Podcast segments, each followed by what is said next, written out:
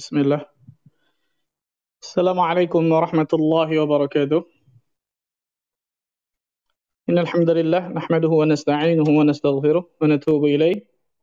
ونعوذ بالله من شرور أنفسنا ومن سيئات أعمالنا. من يهده الله فلا مضل له ومن يضلل فلا هادي له. أشهد أن لا إله إلا الله وحده لا شريك له. وأشهد أن محمدا عبده ورسوله. صلوات الله وسلامه عليه نبينا وحبيبنا محمد صلى الله عليه وعلى آله وصحبه وسلم. قال الله تعالى في كتابه الكريم يا أيها الذين آمنوا اتقوا الله حق تقاته ولا تموتن إلا وأنتم مسلمون أما بعد. Ikhwani wa khatifiddin, rahimani wa rahimakumullah, saudara-saudariku sekalian, yang mudah-mudahan Allah Azza wa Jalla selalu berikan keberkahan dalam kehidupannya. Alhamdulillah, kita bersyukur kepada Allah Azza wa Jalla atas segala limpahan karunia, kenikmatan yang Allah Azza wa Jalla berikan kepada diri kita. Sehingga pada kesempatan malam hari yang berbahagia ini, kita bersyukur kepada Allah Azza wa Jalla Allah masih terus melimpahkan berbagai macam kenikmatan karunia kepada kita semua sehingga kita dapat berkumpul via online ini yaitu via clubhouse ini untuk menuntut ilmu syar'i. Tidak lain tidak bukan untuk menghilangkan kebodohan dalam diri kita, mengangkat kebodohan pada orang diri orang lain pula, kemudian ihya'ul ilm, menghidupkan ilmu, menghidupkan agama, membela agama, mengamalkan ilmu dan lain sebagainya. Jadi niat-niat yang ikhlas yang harus kita selalu masukkan ke dalam hati kita ketika kita menuntut ilmu syar'i agar kita bisa mendapatkan ilmu yang bermanfaat. Salat dan salam semoga tercurah kepada Nabi kita Muhammad sallallahu alaihi wasallam, Nabi akhir zaman, Nabi yang telah membawa kita dari zaman kejahiliahan, dari zaman kebodohan, dari zaman keterasingan akan ilmu menuju zaman yang terang benderang akan ilmu syar'i itu zaman as-sunnah. Masyarakat muslimin wal muslimat rahimani wa rahimakumullah melanjutkan kita tentang satu kitab kecil yaitu kitab Khulasah Ta'zimil Ilmi ringkasan dari keagungan ilmu karya dari Syekh Saleh Ibn Abdullah Ibn Hamad Al-Usaimi hafizahullah taala. Dan hari ini insyaallah taala kita akan masuki bab selanjutnya yaitu bab ketiga setelah kemarin sudah kita bahas nama masalah ikhlas. Hari ini insyaallah taala kita akan bahas tentang himmah tentang tekad ikhwan tekad semangat sungguh-sungguhan. Itu harus ada dalam kita menuntut ilmu ikhwan. Karena tidak mungkin seseorang dapat mendapatkan ilmu syar'i kecuali dengan mempunyai tekad yang kuat mempunyai semangat yang bulat. Dan ini dikatakan oleh beliau di antara uh, apa adab yang harus dimiliki bagi seorang tulabul ilm adalah dia harus memiliki tekad yang kuat dalam menuntut ilmu. Dan pada hakikatnya bukan hanya menuntut ilmu ini, ikhwan. Bukan hanya menuntut ilmu. Dalam segala bidang apa pun kita harus punya tekad yang kuat. Jadi bukan hanya masalah menuntut ilmu. Dalam hal duniawi misalnya, seseorang ketika ingin dapatkan apa kuliah yang ternama yang ter, apa tempat kuliah universitas yang memang dia idam-idamkan dia harus punya tekad yang kuat kan gitu agar bisa mewujudkan cita-citanya tersebut. Ketika seseorang berdagang dia harus punya tekad yang kuat agar kemudian dagangnya bisa berhasil kan gitu. Ketika dia bekerja dia harus punya tekad yang kuat semangat kan gitu. Dan ini dalam segala hal bukan hanya menuntut ilmu pada hakikatnya dalam segala hal. Tapi yang insya Allah Ta'ala kita akan tekankan pada kesempatan yang berbahagia ini bagaimana tekad yang kuat, tekad yang bulat, semangat yang membara yang harus selalu dimiliki bagi seorang tulabul ilm. Bagi seorang penuntut ilmu syar'i. Qala al-muallifu hafizahullah ta'ala penulis berkata al-ma'qidu thalith simpul yang ketiga bab yang ketiga jam'u himmatin nafsi alaihi membulatkan tekad dalam menuntut ilmu.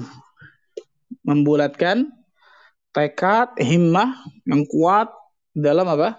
Dalam menuntut ilmu. Beliau mengatakan tujma'ul himmatu 'ala al-matlubi bitafaqqudi thalathati umur. Terkumpulnya tekad kata beliau agar bisa mendapatkan sebuah tujuan itu bisa tercapai dengan tiga hal ini nih. Dengan apa? Dengan tiga hal ini. Perhatikan baik-baik subhanallah. Tiga hal ini yang harus kita miliki ketika kita ingin mendapatkan ilmu syar'i, ya kawan. Dan saya katakan tadi bukan hanya ilmu syar'i tapi dalam segala bidang ilmu. Apa saja tiga hal ini yang harus kita miliki? Yang pertama, Syekh mengatakan al-hirsu ala ma yanfa'. Subhanallah. Bersemangat hirs. Bersemangat untuk mendapatkan yang bermanfaat. Yang pertama nih, kawan, harus punya semangat untuk mendapatkan hal yang apa? Bermanfaat untuk mendapatkan hal yang bermanfaat. Beliau mengatakan famata wuf famata wuffiqal 'abdi famata wuffiqal 'abdu ila ma yanfa'uhu harasa 'alaihi. Kapan saja seorang itu mendapatkan hal yang bermanfaat untuk dirinya, maka harus semangat. Maka harus apa? Bersemangatlah kata beliau. Ini yang pertama harus bersemangat untuk mendapatkan hal yang bermanfaat untuk dirinya. Dan itu jelas menuntut ilmu luar biasa, manfaat besar kawan. Ketika kita mendapatkan ilmu syar'i, kita akan mendapatkan berbagai macam faidah luar biasa. Karena itu harus punya apa? Harus punya semangat. Al-Imam Ibn al-Jauzi rahimahullah ta'ala mengatakan apa? Al-ilmu wal-amal tau'aman. Ilmu dan amal itu seperti dua anak kembar ilmu dan juga apa? Amal. Itu seperti dua anak kembar. Ummuhuma uluwul himmah kata beliau. Ibu dari anak kembar itu adalah ulu, uluwul himmah, semangat yang membara. Lihat, semangat yang kuat. Ibu dari apa? Dari ilmu dan amal.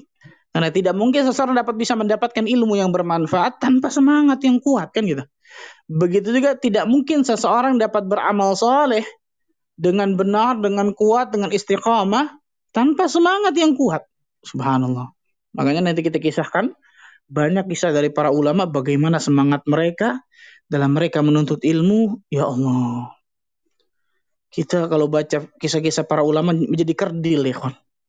Kita akan melihat sosok seorang manusia yang sangat luar biasa subhanallah.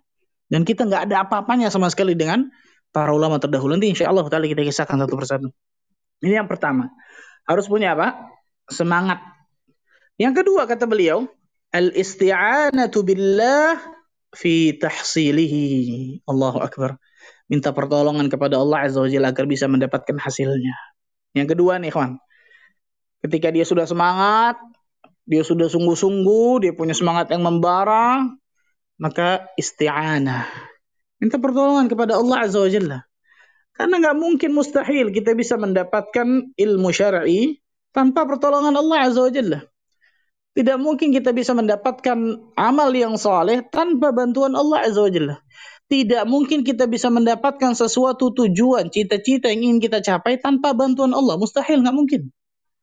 Isti'anatu billah. Perhatikan nih, penting ini, kawan meminta pertolongan kepada Allah Azza wa Jalla untuk bisa mendapatkan hasil yang dia inginkan kan gitu. Dan yang ketiga, apa kata beliau? Adamul ajzi an bulughil bughyati min. Tidak boleh lemah. Yang ketiga nih. Nggak boleh apa? Lemah. Lemah di sini lebih parah daripada malas kata beliau. Kalau malas biasanya mungkin hanya pada fisik, tapi kalau lemah dua-duanya fisik dan juga hati. Nah, nggak boleh tuh. Bagi seorang penuntut ilmu, tidak boleh seseorang itu lemah dalam fisiknya ketika menuntut ilmu dan tidak boleh lemah pada hatinya, semangatnya, pengorbanannya dalam menuntut ilmu syar'i. Jadi dua nih. Pada fisiknya dan juga hatinya. Itu nggak boleh lemah. Di sini bukan berarti seseorang yang fisiknya lemah dan sebagainya nggak boleh menuntut ilmu. Kan itu maksudnya. Perhatikan, berapa banyak kita lihat orang-orang yang kuat pada hakikatnya sebenarnya. Ngangkat barbel, ngangkat apa sesuatu yang berat bisa. Lari berapa puluh kilometer bisa. Tapi nutut ilmu sejam duduk nggak kuat. Betul ya? nah, itu di antaranya. Bisa jadi karena apa? Lemah hatinya, lemah imannya kan gitu, lemah semangatnya. Ada juga orang yang lemah ternyata apa? Fisiknya dan lain sebagainya. Nah ini tiga hal. Tiga hal yang dikatakan oleh Syekh Al-Usaimi hafizahullah taala kita kalau kita ingin mendapatkan ilmu yang bermanfaat. Kalau kita ingin membulatkan tekad sehingga tekad itu bisa berbuah ilmu yang bermanfaat. Dan ketiga hal ini, ikhwan, terkumpul dalam hadis Nabi Shallallahu Alaihi Wasallam. Nah ini luar biasa nih. Rasulullah Shallallahu Alaihi Wasallam bersabda dalam hadis yang sahih dari Imam Muslim dari sahabat Abu Hurairah radhiyallahu taala anhu arda, ihris ala ma yanfa'uka. Bersemangatlah untuk mendapatkan sesuatu yang bermanfaat untukmu. Wasta'in billah. Minta pertolongan kepada Allah. Wala ta'jiz dan janganlah engkau lemah. Lihat tiga nih, sahih, betul ya? Tiga-tiganya ada. Ini luar biasanya Islam, ikhwan. Lengkap Islam ini, ikhwan. Dan ini yang saya katakan tadi, ikhwan, bukan hanya dalam masalah menuntut ilmu, tapi dalam segala hal. Kalau orang ingin berhasil misalnya ujiannya, maka nggak boleh dia lemah betul ya, nggak boleh lemah dalam belajar, nggak boleh malas dalam belajar, tidak boleh meminta pertolongan kepada Allah, tidak boleh tidak bersemangat dalam menuntut ilmu dalam belajarnya. Baru ujiannya bisa bagus kan gitu ketika dia ingin perdagangannya bagus tiga hal ini pasti. Dia harus semangat dalam apa? Dagangnya tersebut. Dia harus minta pertolongan kepada Allah azza wa jalla. Dan nggak boleh lemah nggak boleh malas subhanallah. Yang makanya ini luar biasa Islam nih kawan jadi konsep ini kawan yang dikatakan oleh Nabi Shallallahu Alaihi Wasallam bukan hanya tentang mendapatkan ilmu yang bermanfaat. Kalau itu jelas subhanallah. Tapi dalam segala hal bayangkan. Dalam segala hal, dalam segala bidang, baik itu masalah-masalah duniawi ataupun masalah-masalah ukhrawi. Nah, yang kita kata, yang kita tekankan pada kesempatan untuk bahagia ini tentang masalah apa? Masalah dunia, eh, masalah ukhrawi jelas, masalah untuk ilmu. Seorang ulama yang bernama Jun Al-Junaid mengatakan, "Ma talaba ahadun syai'an bijiddin wa sidqin illa nalahu. Tidaklah seseorang itu menuntut ilmu. Tidaklah seseorang itu mencari, kata Al-Junaid, tidaklah seseorang itu mencari, menuntut, berusaha untuk menggapai sesuatu dengan kesungguhan dan juga kejujuran illa nalahu, kecuali dia akan dapatkan itu. Lihat. Tidaklah seseorang mencari sesuatu yang memang dia ingin gapai berusaha untuk mendapatkan sesuatu yang ingin dia dapatkan dengan kesungguhan dan kejujuran. Lihat, dua nih. Sungguh-sungguh dan juga apa? Jujur. Illa nalahu. Kecuali dia pasti akan dapatkan itu insya Allah. Kecuali dia akan dapatkan apa? Dapatkan itu. Kemudian beliau melanjutkan apa? Fa'illam yanalhu kullahu nala ba'dahu. Kalaupun dia tidak dapatkan seluruhnya, paling tidak didapatkan sebagiannya. Ya Allah, betul ya? Kalau dia tidak dapatkan semuanya nih, paling nggak didapatkan sebagian. Al-Imam Syafi'i rahimahullah ta'ala dalam syairnya beliau mengatakan, Ya akhi, lan tanala al-ilma illa bisittatin. Wahai saudaraku, engkau tidak akan pernah mendapatkan ilmu kecuali dengan enam hal. Catat baik-baik enam hal ini nih. Engkau tidak akan dapat tidak akan bisa mendapatkan ilmu kecuali dengan enam hal. Saumbika an tafsilihi an tafsiliha bibayan. Aku akan menjelaskannya secara terperinci kata beliau. Apa enam hal tersebut? Yang pertama, zakaun, kecerdasan. Pertama nih, harus apa? Harus apa? Harus memakai otaknya kan gitu. Harus diasah terus otaknya. Harus diasah terus kemahirannya kan gitu. Zaka yang pertama, kecerdasan. Allah Azza wa Jalla berikan kecerdasan. Dan ini manusia berbeda-beda betul ya. Ada seperti Imam Syafi'i luar biasa kecerdasannya, baru baca sekali langsung hafal masya Allah sehingga ketika beliau baca kalau buku dua lembar tuh kan yang satu itu pakai tangan kanan beliau. Kalau kalau kalau beliau ingin baca yang kiri. Kalau beliau ingin baca yang kanan ditutup yang kirinya dengan tangan kirinya. Kenapa? Karena kalau baca semua hafal semua dan bulakbat kata beliau. Bisa tercampur hafalannya. Karena itu beliau tutup supaya hafalannya benar-benar tidak tercampur. Bayangkan Imam Syafi'i satu kali baca hafal ya kan? Kita baca berulang-ulang. Nempel kagak betul ya kabur iya tuh subhanallah hafalan kalaupun nempel sebentar hilang la haula wala quwata illa billah biasa masyaallah yang pertama zakaun yang kedua apa kata apa kata Imam Syafi'i rahimahullah taala hirsun, semangat yang membara. Yang kedua nih kata Imam Syafi'i. Engkau akan dapatkan ilmu ketika engkau semangat, punya semangat yang membara, maka insya Allah Ta'ala engkau akan dapatkan ilmu. Yang ketiga, wajtihadun, sungguh-sungguh. Ketika semangatnya sudah membara, jangan cuma semangat doang. Harus apa? Sungguh-sungguh, tekun kan gitu. Kalau hanya semangat doang, akhirnya semangat 45 di depan aja kan gitu. Ke depannya nanti kemudian turun, futur, nyungsep akhirnya ke sumur semangatnya kan gitu. Makanya harus apa? Dibarengi dengan kesungguh-sungguhan. Sungguh-sungguh. Dan kesungguh-sungguhan ini bukan sekali dua kali, pasti kan lama terus gitu, tekun kan gitu. Lihat. Ini yang ketiga. Wajtihadun. Yang keempat, wabulghatun. Ada bekal. Ada bekal ketika nuntut ilmu, ikhwan. Para ulama terdahulu, Allahu Akbar. Sampai-sampai para ulama mengatakan, Man talabal hadith faqad aflas. Barang siapa yang mencari ilmu hadith, maka siap-siaplah dia akan bangkrut. Imam Ahmad ibn Hanbal rahimahullah taala mengelilingi dunia ini dua kali. Bayangkan, mengelilingi dunia ini dua kali untuk mencari hadis. Baru beliau mengumpulkan musnad Imam Ahmad. Allahu Akbar. Imam Malik rahimahullah taala menjual sakaf. Sakaf itu atap rumahnya. Tapi antum jangan terus habis kajian ini antum jual atap rumah antum ya, dimarahin orang tua terus akhirnya. Imam Malik rahimahullah taala menjual sakaf atap rumah beliau untuk bisa menuntut ilmu. Bayangkan. Para ulama terdahulu bagaimana mereka bisa membeli tinta dan juga apa? kertas agar bisa mereka menulis.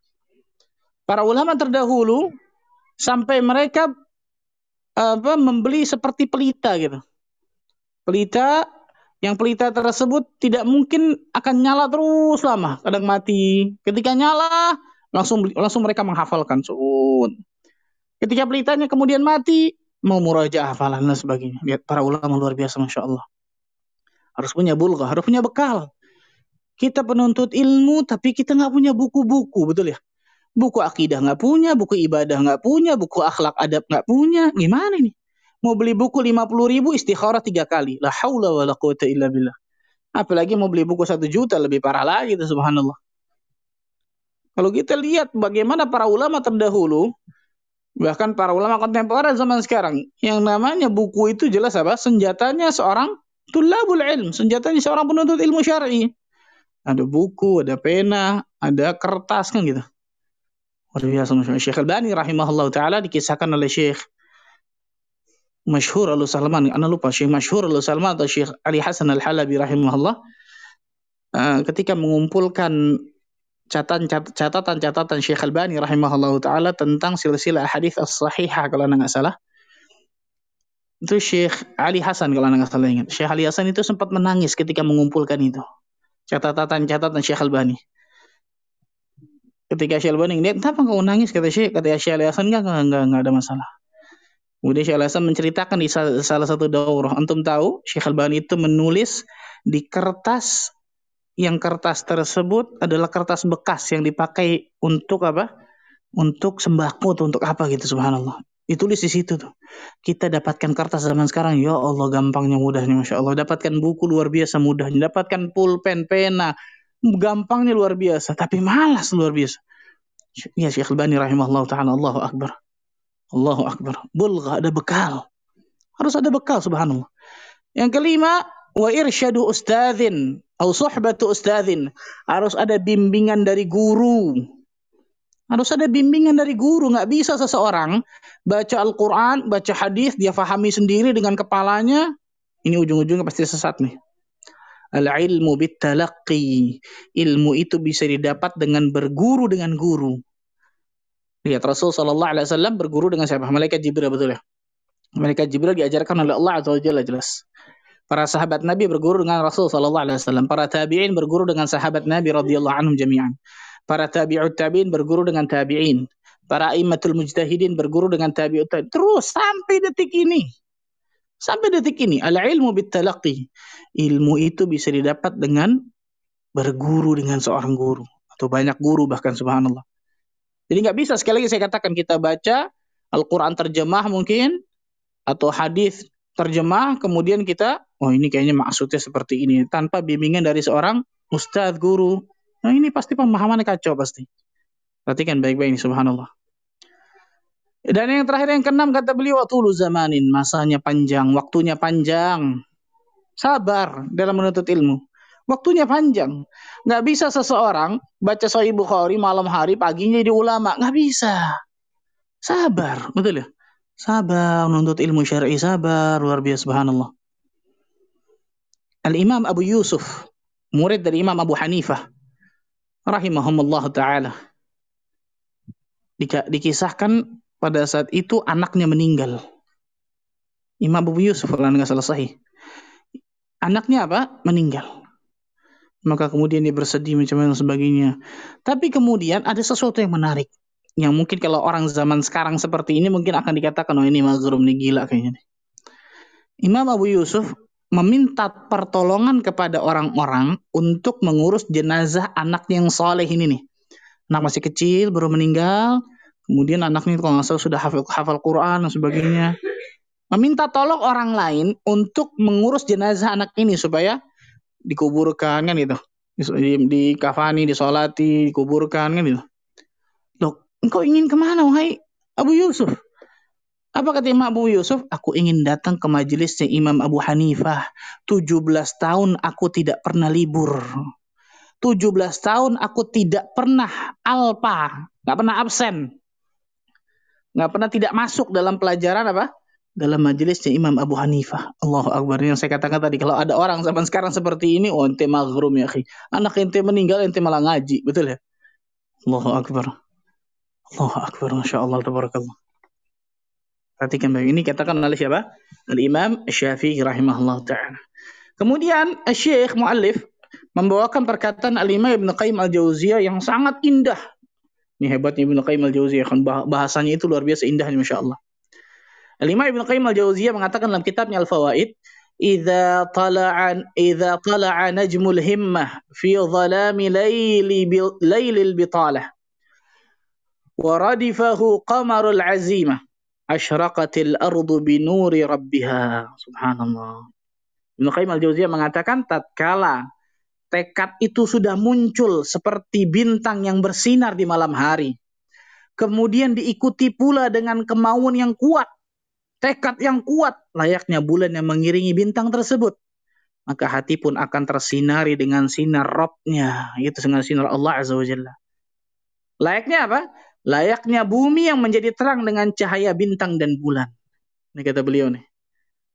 Layaknya apa? Bumi yang menjadi terang karena bintang dan juga bulan. Rahimahullah ta'ala. Nah, ini luar biasa nih, kawan. Masya Allah, bagaimana luar biasanya para para ulama terdahulu.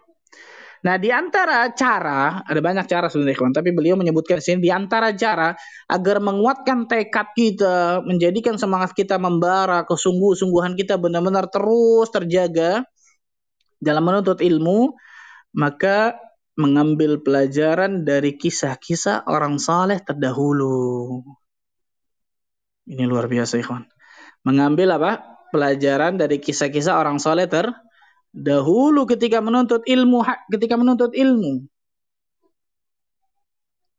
Abu Hurairah radhiyallahu taala anhu menjadi ashabus suffah. Apa itu ashabus suffah? Orang-orang yang memang ditugaskan oleh para sahabat tinggal di samping Masjid Nabawi, ada seperti kamar kecil yang memang ditugaskan belajar kepada Rasulullah Sallallahu Alaihi Wasallam. Karena itu Abu Hurairah orang yang paling banyak meriwayatkan hadis Nabi SAW kan gitu. Nah ketika Rasulullah SAW keluar dari rumahnya Abu Hurairah sudah tahu tuh pakai baju apa, seperti apa eh, sisiran rambutnya dan lain sebagainya. Ditambah lagi Abu Hurairah mendapatkan doa Nabi SAW luar biasa. Tapi yang namanya Ashabus Sufah ini nggak ada kerjaan. Di sini bukan berarti kemudian Abu Hurairah menang apa berpangku tangan kepada sahabat yang lain tidak, tapi memang diperintahkan oleh para sahabat untuk belajar dengan Nabi SAW. Para sahabat yang lain menyokong. Nah, ini seperti ini luar biasa bagusnya nih, Juan. Misal seseorang yang kakak beradik nih, adiknya nuntut ilmu luar biasa, masya Allah. Kakaknya mungkin apa? menjadi pedagang dan lain sebagainya. Kakaknya menyokong nih adiknya untuk belajar, belajar, belajar, masya Allah. Sampai jadi adiknya. Masya Allah itu besar luar biasa pahala kakaknya kawan. apa pun yang diajarkan adiknya kepada orang-orang kepada manusia kakaknya dapat pahala itu jari ya luar biasa nggak sembarangan nah di antaranya ini para sahabat nih ya namanya ashabu sufa miskin masakin betul ya tidak ada sesuatu dari yang bisa dicari maisha secara tetap kan gitu suatu hari Abu Hurairah pernah lapar bayangkan lapar ya kawan lapar beliau kemudian apa berdiri di satu tempat yang tempat ini sering dilewati oleh sahabat-sahabat yang lain. Dengan niat apa? Mudah-mudahan ketemu sahabat yang berada, mampu, kemudian diajak makan. Maka kemudian Abu Hurairah bertemu dengan Abu Bakar. Abu Bakar ngobrol macam-macam. Abu Hurairah nanya tentang masalah ini, nanya masalah ini, nanya masalah ini. Tapi Abu Bakar nggak kamu nggak ngerti. Abu Hurairah jalan. Ya. Nah, Abu Bakar kemudian jalan. Lihat Abu Hurairah pada saat itu lapar ya, tapi mereka tidak minta. Ini hebatnya pendidikan Nabi SAW ya, Mereka punya hati yang ta'afuf, aifah, menjaga kehormatan diri, aziz. Mereka butuh pada saat itu dan pada hakikatnya boleh loh. Untuk meminta karena keadaannya butuh, darurah kan gitu. Tapi mereka nggak minta.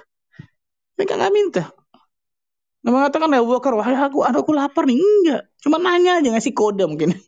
Nanya masalah agama dan sebagainya. Tapi Abu Bakar ternyata nggak paham. Lewat lagi Umar bin Khattab.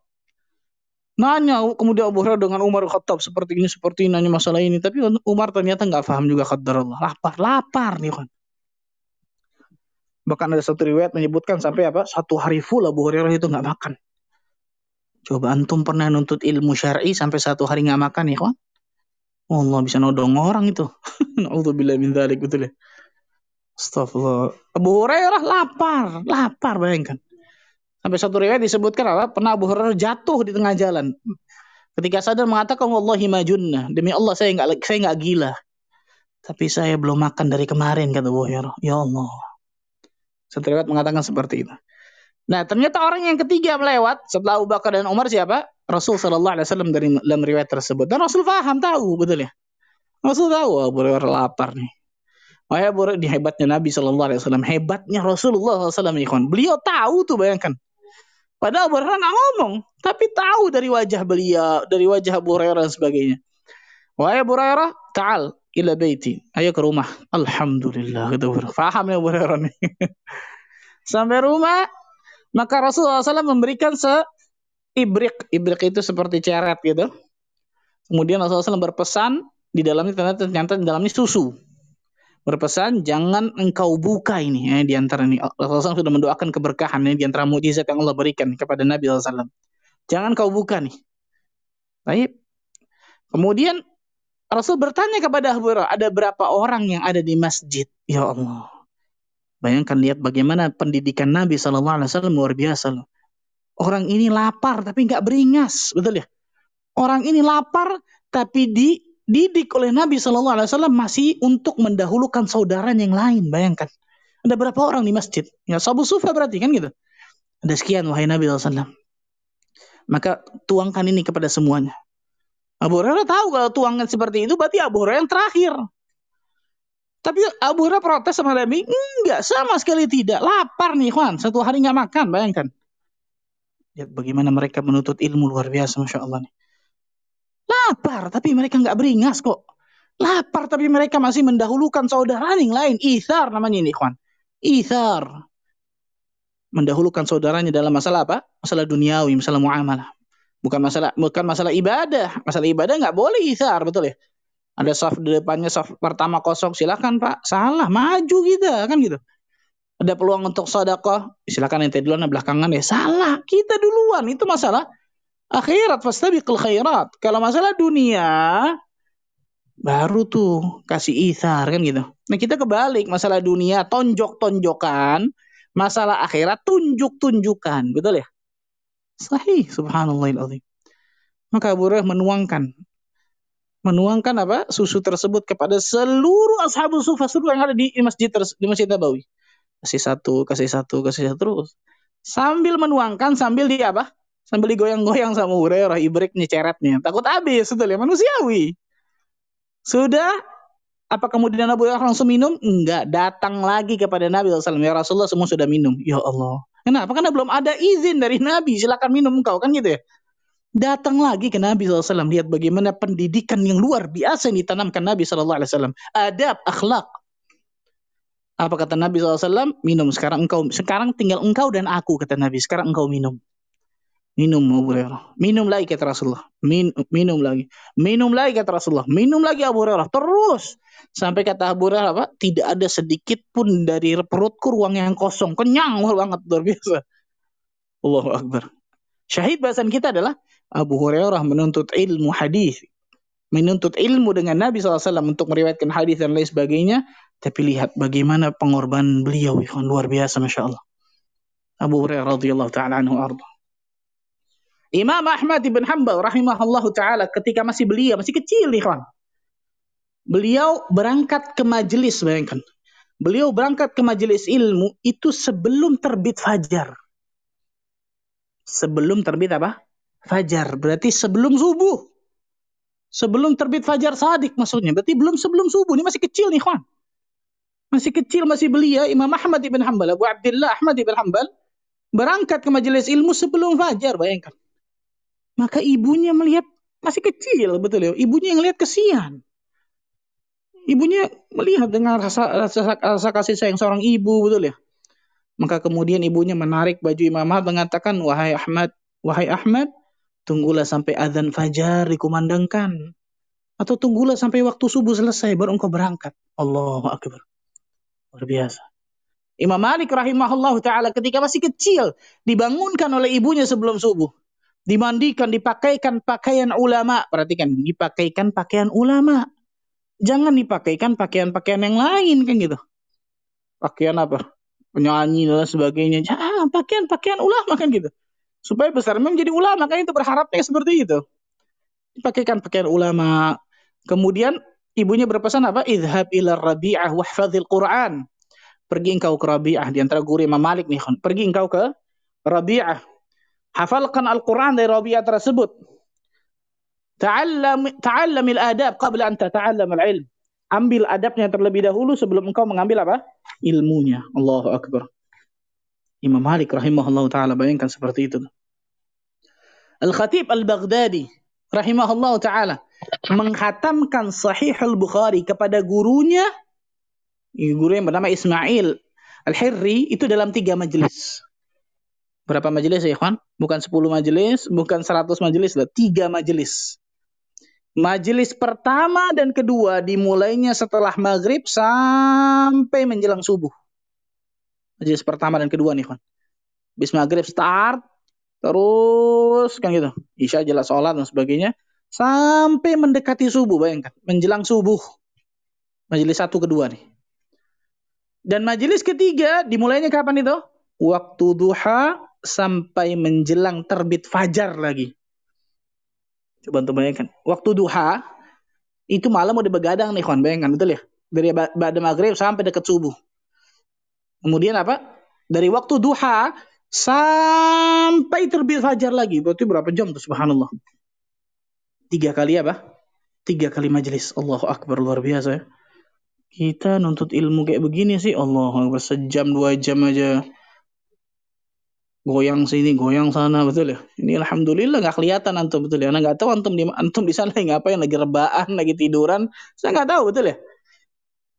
Subhanallah Lihat bagaimana hebat luar biasa para Para ulama dalam menuntut ilmu syar'i. Al-Imam Baqi bin Makhlab. Tahu antum nama Baqi bin Makhlab? Banyak berapa banyak kaum muslimin sekarang lebih kenal kepada apa penyanyi penyanyi apa penyanyi kafir betul ya pemain bola kafir dan lain sebagainya daripada nama-nama ulama. Al Imam Baqi bin Makhlad ini di antara muridnya Imam Ahmad bin Hanbal rahimahullah taala. Imam Baqi bin Makhlad ini adalah seseorang yang luar biasa nih, kawan. Beliau tinggal di Spanyol, di Andalusia.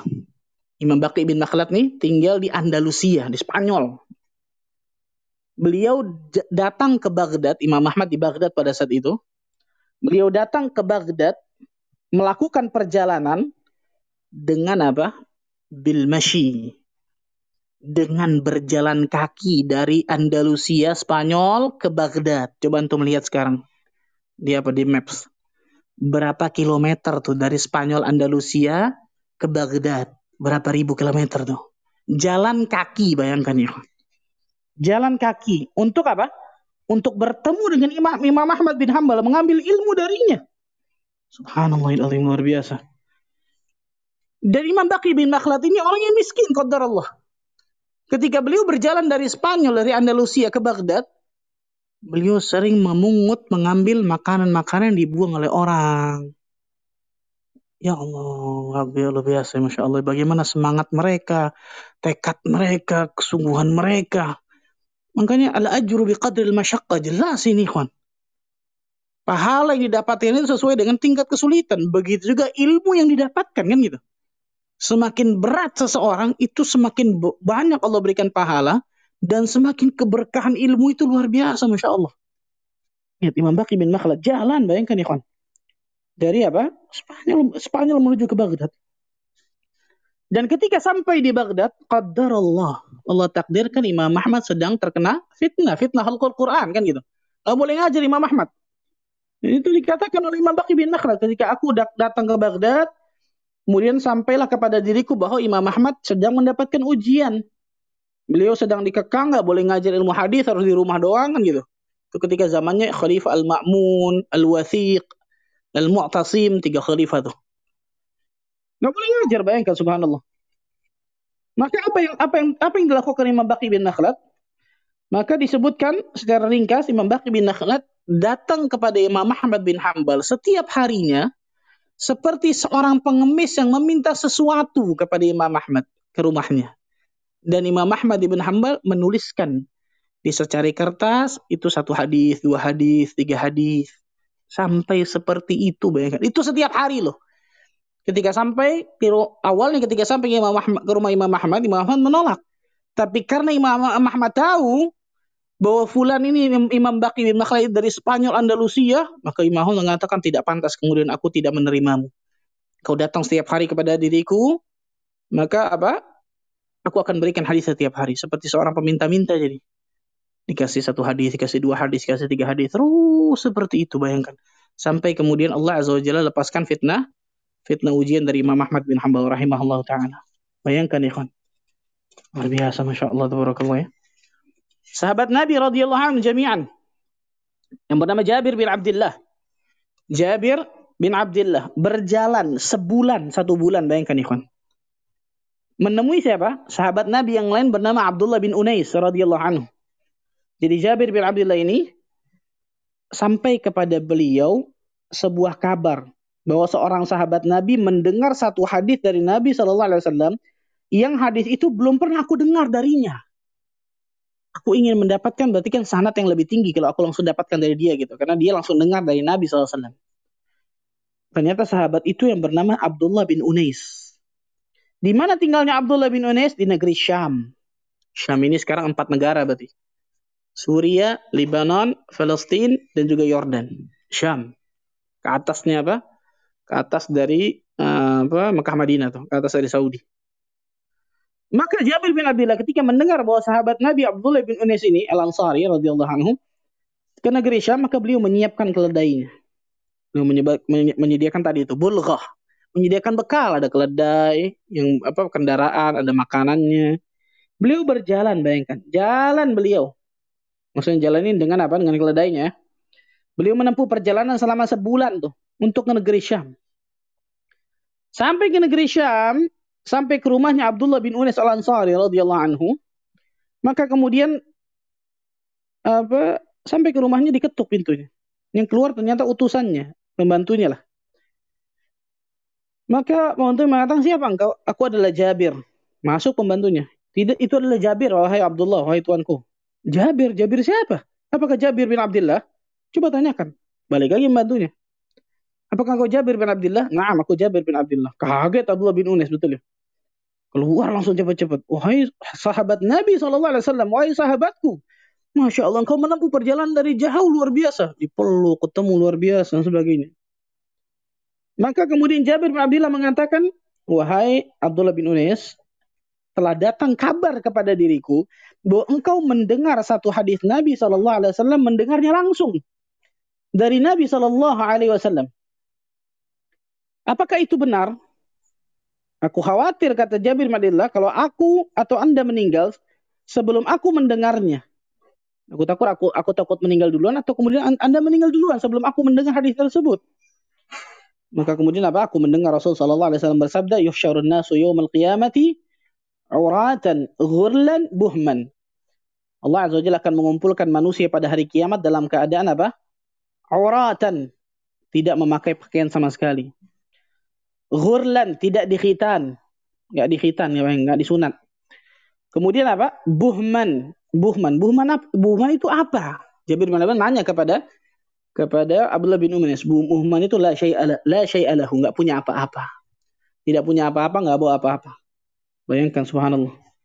Sudah seperti itu, Jabir bin Abdullah mengatakan, "Tayyib, assalamualaikum, jazakallah khair, assalamualaikum." Balik lagi ke Madinah menempuh satu bulan perjalanan untuk dapatkan satu hadis Nabi Shallallahu Alaihi Wasallam. Dan kalau kita baca, ikhwan, anak, anak siapa sebutkan satu persatu bagaimana para ulama terdahulu menuntut ilmu syar'i kaget-kaget gitu, ikhwan. Kaget-kaget itu. Imam Nawawi rahimahullah taala. Al Imam An Nawawi yang punya kitab Riyadhus Salihin tuh. Yang menulis kitab hadis Arba'in Nawawiyah, betul ya? Antum tahu Imam Nawawi rahimahullah taala luar biasa Al-Imam An-Nawawi rahimahullahu taala mengatakan apa? Sanatan mutatalian lam yada' dhahri 'ala al-firash 'ala al-bilat. Dua tahun berturut-turut aku tidak meletakkan punggungku di tempat tidurku. Apa maksudnya, ikhwan? Dua tahun berturut-turut, dua tahun turut-turut, ikhwan. Aku tidak meletakkan punggungku di tempat tidur, di lantai tempat tidur. Terus tidurnya gimana? Tidur ini dalam keadaan duduk, bayangkan. Baca, baca, baca, sampai nggak bisa baca lagi ketiduran. Menulis, menulis, menulis, sampai nggak bisa nulis lagi ketiduran. Bayangkan luar biasa. Bahkan terkadang Imam Nawawi apa? Rahimahullah Ta'ala bersandar ke tembok sambil berdiri, memegang kitabnya sambil baca. Atau sambil menulis. Ketika kitabnya jatuh saking capeknya nih, beliau bangun lagi. Terus seperti itu. Coba untuk bayangkan dua tahun berturut-turut tidak pernah tidurnya tiduran dengan tidur sengaja ketiduran dua tahun bayangkan. Allah akbar luar biasa masya Allah tabarakallah. Allah akbar masya Allah. Kita udah nikmat ya ya Allah. Offline nggak bisa ada online betul ya? Online males juga. Gimana coba ya kawan gimana Allah azza wajalla akan berikan keberkahan ilmu kepada diri kita kalau ternyata kita tidak mengeluarkan kejuhudan ke, kita tidak mengeluarkan apa usahanya maksimal dalam menuntut ilmu syar'i. Allah Azza wa Jalla mengatakan apa? Allah berfirman dalam surah Al-Ankabut itu kan uh, apa? Menjahada fina lanahdiyannahum subulana. Barang siapa yang jahada fina, barang siapa yang bersungguh-sungguh mencari jalan-jalan kami, maka kami pasti akan berikan jalan-jalan kami kepadanya. Lihat jahada, kata-katanya panjang di situ. Jahada. Sungguh-sungguhnya bukan sekali dua kali berarti terus tuh. Di antara dalam menuntut menuntut ilmu syar'i subhanallah. Jika seorang muslim ikhwan, seorang muslim adalah seseorang yang kakinya menapak di atas tanah tapi cita-citanya dan juga tekadnya tergantung di atas langit. Itu seorang muslim harusnya. Jangan menjadi orang yang fisiknya luar biasa muda, kelihatan harusnya kuat, tapi ternyata tekadnya tua. Semangatnya tua. Betul ya? Sungguh tekad dan kejujuran itu benar-benar akan menjadikan apa? Menjadikan sesuatu yang mungkin di kepala manusia mustahil tapi jadi mungkin, Masya Allah. Maka jangan pernah apa? Jangan pernah mengendurkan tekad kita sedikit pun. Jangan pernah kita kita tidak mempunyai semangat dalam menuntut ilmu syar'i. Jangan pernah kita tidak ada silatum billah, hubungan dengan Allah Azza wa Jalla dalam permintaan permohonan. Isti'anatu billah. Dan jangan pernah kita malas, jangan pernah kita lemah. Perhatikan tiga hal ini, kon. Bersemangat untuk mendapatkan hal yang bermanfaat, minta pertolongan kepada Allah Azza wa Jalla, dan jangan lemah. Tiga hal ini ketika kita terapkan dalam segala hal, dalam segala aspek, bukan hanya nuntut ilmu syar'i, dalam segala hal bahkan. Maka insya Allah ta'ala kita akan dapatkan kesuksesan yang yang sejati kita akan dapatkan apa yang kita harapkan kalau kita lakukan tiga hal ini nih. Semangat dalam mendapatkan sesuatu yang bermanfaat, minta pertolongan kepada Allah, jangan putus tuh. Karena yang bisa berikan hanya Allah jelas dan tidak lemah, tidak malas. Bayangkan subhanallah. Itu mungkin yang Anda bisa sampaikan karena tidak mungkin Anda ceritakan satu persatu dari kisah-kisah para ulama yang sangat luar biasa banyak dan sangat luar biasa Masya Allah. Yang kisah-kisah tersebut kalau kita baca satu persatu insya Allah akan melecutkan semangat kita untuk nuntut ilmu, nuntut ilmu, nuntut ilmu yang luar biasa Masya Allah. Allah alam mungkin itu yang saya dapat sampaikan. Mudah-mudahan kita termasuk golongan hamba-hamba Allah yang terus Allah jaga semangat kita, tekad kita, kesungguhan kita dalam menuntut ilmu, kemudian hubungan kita dengan Allah terus kita minta, kita berbagus dengan bertakwa kepada Allah, dengan berdoa kepada Allah, menyandarkan diri kita kepada Allah, dan Allah jauhkan sifat dari sifat lemah dan sifat malas. Karena Rasulullah SAW berdoa kepada Allah, Allahumma inni a'udzubika minal ajzi wal kasal.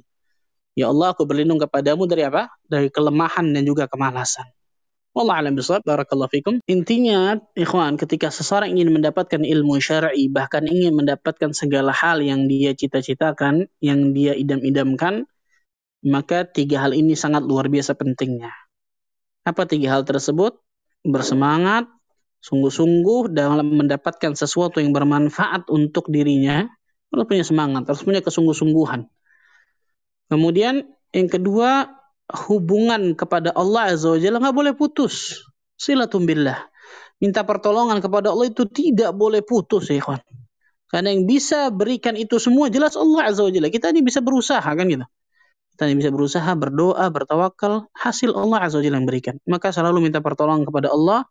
Jangan pernah putuskan diri kita dengan Allah Azza wa Jalla, selalu takwa kepada Allah. Dengan itu insya Allah Allah akan berikan kemudahan kepada kemudahan bagi diri kita. Yang ketiga, jangan lemah, jangan malas. Jangan lemah dan juga jangan malas baik fisik kita, hati kita, semangat kita dan lain sebagainya. Di antara cara dari sekian banyak cara agar menjadikan apa semangat kita selalu bagus terjaga tadi itu Syekh mengatakan membaca kisah-kisah para ulama terdahulu kemudian apa selalu apa mentajdid niat memperbaharui niat supaya niat kita selalu ikhlas supaya niat kita selalu mendapatkan surga Allah dan lain sebagainya cari teman-teman miliu yang yang memang semangat untuk bisa mendapatkan hal yang bermanfaat tersebut dan lain sebagainya. Mudah-mudahan dengan itu Allah Azza wa Jalla berikan keberkahan bagi ilmu kita dan Allah Azza wa Jalla bisa wafatkan kita dalam keadaan husnul khatimah. Allah alam bisawab. Subhanakallah bihamdika asyhadu an la ilaha illa anta astaghfiruka wa atubu ilaik. Wassalamualaikum warahmatullahi wabarakatuh.